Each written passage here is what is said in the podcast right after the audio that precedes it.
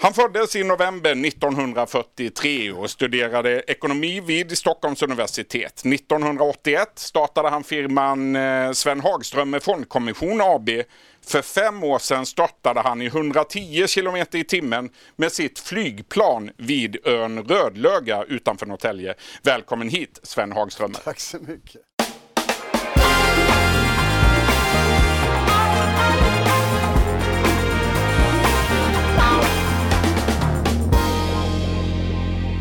Vilken presentation va? Ja, verkligen. Ja. Du, vi börjar med det mest dramatiska. Du hade glömt att fälla in landningsstället på ditt Cessna-plan och Ja. du kraschade helt enkelt. Ja. Eh, vad säger du om den händelsen idag? Eh, alltså, nummer ett är jag enormt tacksam att jag aldrig drömt om olyckan. Jag är ute och flyger i mina drömmar så var 14 dag. Bara den roliga saken. Och det andra var när man låg, det hängde upp och ner och vattnet forsade in, hängde i säkerhetsbältena så kände jag bara att den här enorma lusten att leva. Ja, men livet är inte slut när man är 70 plus.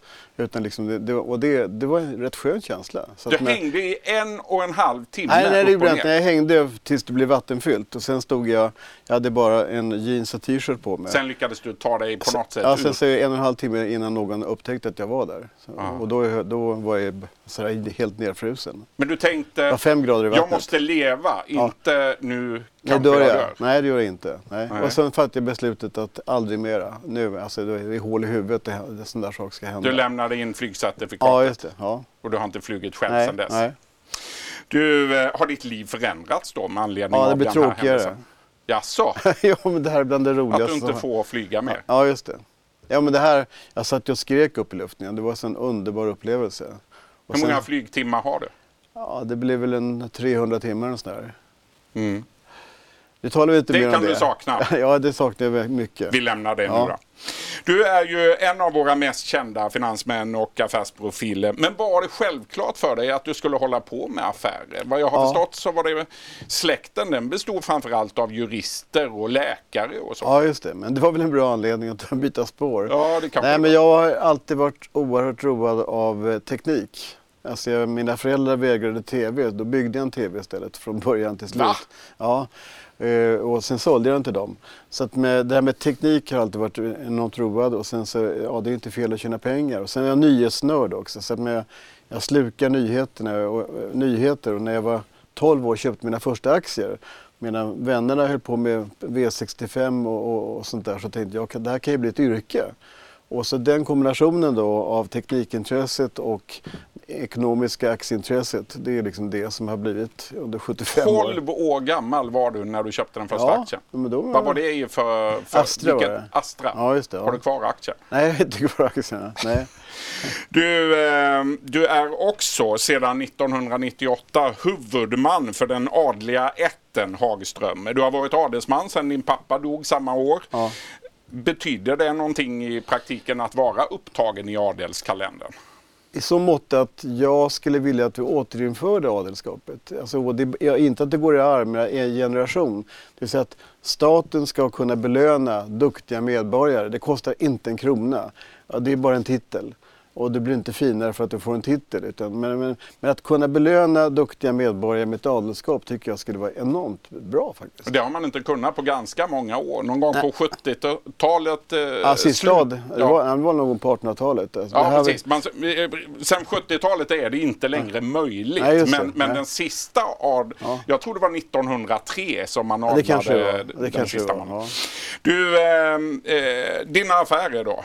Vi har varit lite inne på dem nu. Du köpte de första aktierna som 12-åring. Mm. Eh, vilket är ditt livs bästa affär? Ja, mitt livs bästa affär det är att starta, eh, alltså, då, först då Sven Hagström med Fondkommission 81 och nummer två att starta Avanza.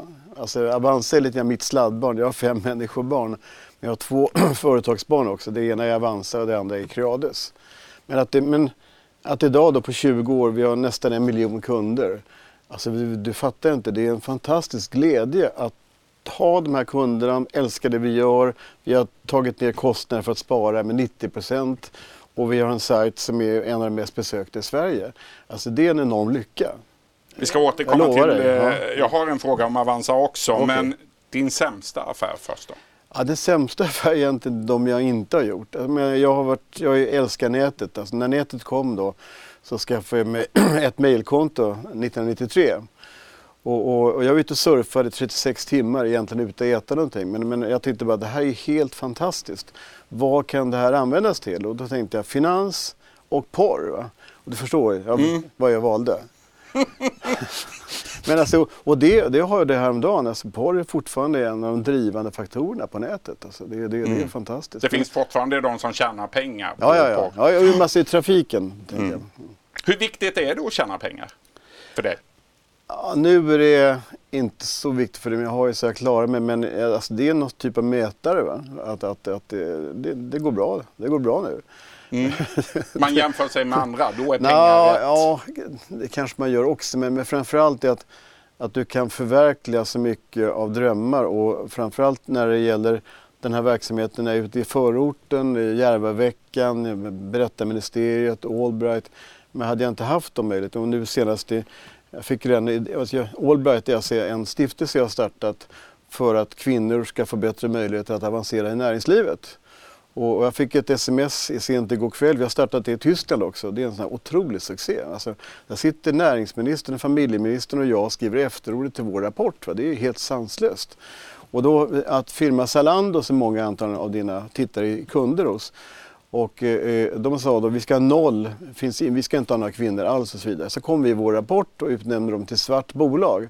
Då tog det hus i helvete. Så att det, igår ändrade de nu. Nu ska de ha 40% kvinnor i ledningen och i styrelsen innan 2023. Yes! Yes, säger du. ja. Är du också för att man kvoterar Nej, absolut in inte. Nej, jag tycker det är förfärligt. Utan vi måste trycka på företagen att, med, och tvingas de till det så det, jag, tror, jag skulle aldrig vilja bli ut, ut, inkvoterad. Och sen så, politikerna tittar bara på styrelserna. Och det gjorde man i Norge där, där man genomförde en kvoteringslag. Och det var 300 kvinnor som berördes. Men vi tittar på ledningsgrupperna. Med ledningsgrupperna det är tiotusentals kvinnor. Det betyder mer för hela landet, det betyder mer för företagen än någonting annat. Och de här välutbildade kvinnorna som inte kommer dit de ska i näringslivet. Det är en skam tycker jag. Alltså, mm.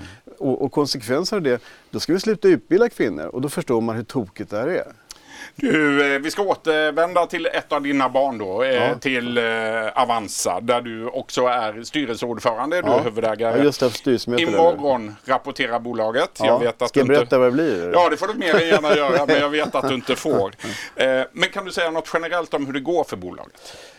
Det, det, går bra, men jag sa just att vi, vi, vi firar 20-årsjubileum i, i, i, år och det är närmare en miljon kunder. Och, som sagt, och vi ska vara det billigaste sparandet. Det kom ut en utredning häromdagen att det, med, det kostar en tiondel att vara pensionskund hos oss jämfört med en icke namngiven bank, men jämfört med mm. stor, storbankerna.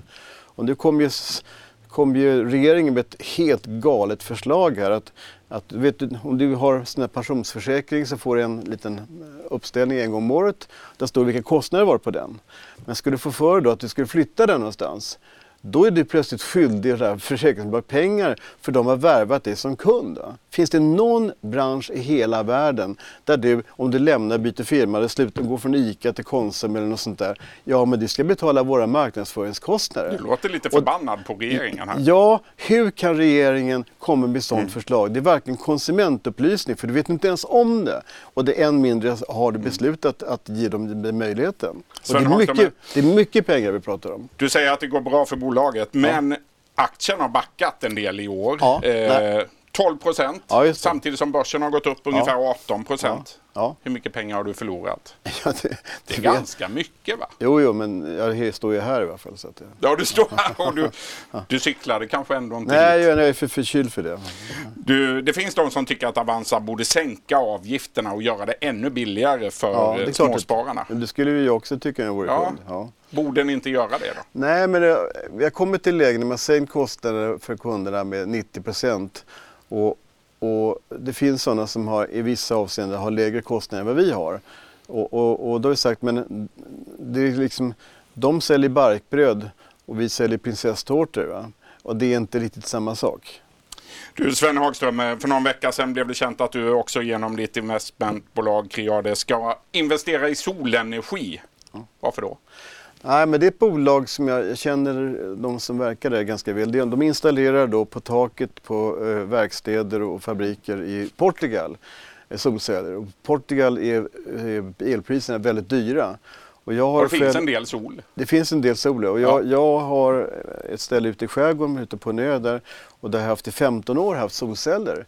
Och det är en sport. Det finns en kompletterande, alltså en, en, en dieseldriven generator, att inte använda den på hela sommaren. Jag kan säga det, vi har kylskåp, vi har frys, vi har TV och alltihopa. Men det drivs med solceller. Är det viktigt för dig att vara klimatsmart? Ja, jag tycker, ja, det är väl för alla.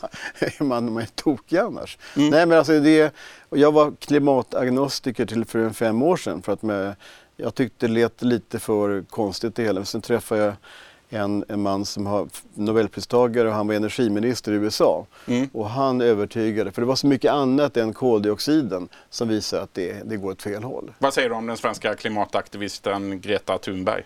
Jag tycker hon är fantastisk. Hur alltså betydelsefull är hon? Ja, men hon är otroligt betydelsefull. Hon var ju värd fredspriset. Hon säger själv, jag är inte forskare, men hon är megafon. Va? Men forskarna i allmänhet de kanske inte är jättepedagogiska förklarar vad de håller på med. Men då har de fått Greta som får deras budskap vidare. Och framförallt en ny generation där det här är viktigt. Mm. Jag tycker hon är fantastisk. Sven Jag önskar att det var min dotter. Ja. Du, eh, du fyller 76 år om sex veckor. Ja, kommer du då?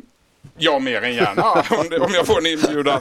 Du har funderat på att sluta jobba och bara ta det. Du har inte funderat på att sluta Nej. jobba och bara ta det lugnt? Nej, men jag har fyra dagars vecka. Så jag har lediga, lediga fredagar. Mm. Så torsdagskvällarna är, är lillfredag. Men du jobbar fyra dagar i veckan? Ja, just det. Och det tänker du fortsätta ja. med? Stort tack för att du kom hit. Tack för att jag fick komma hit. Tack snälla. Tack. Trevligt. Du har lyssnat på en podcast från Expressen. Ansvarig utgivare är Klas Granström.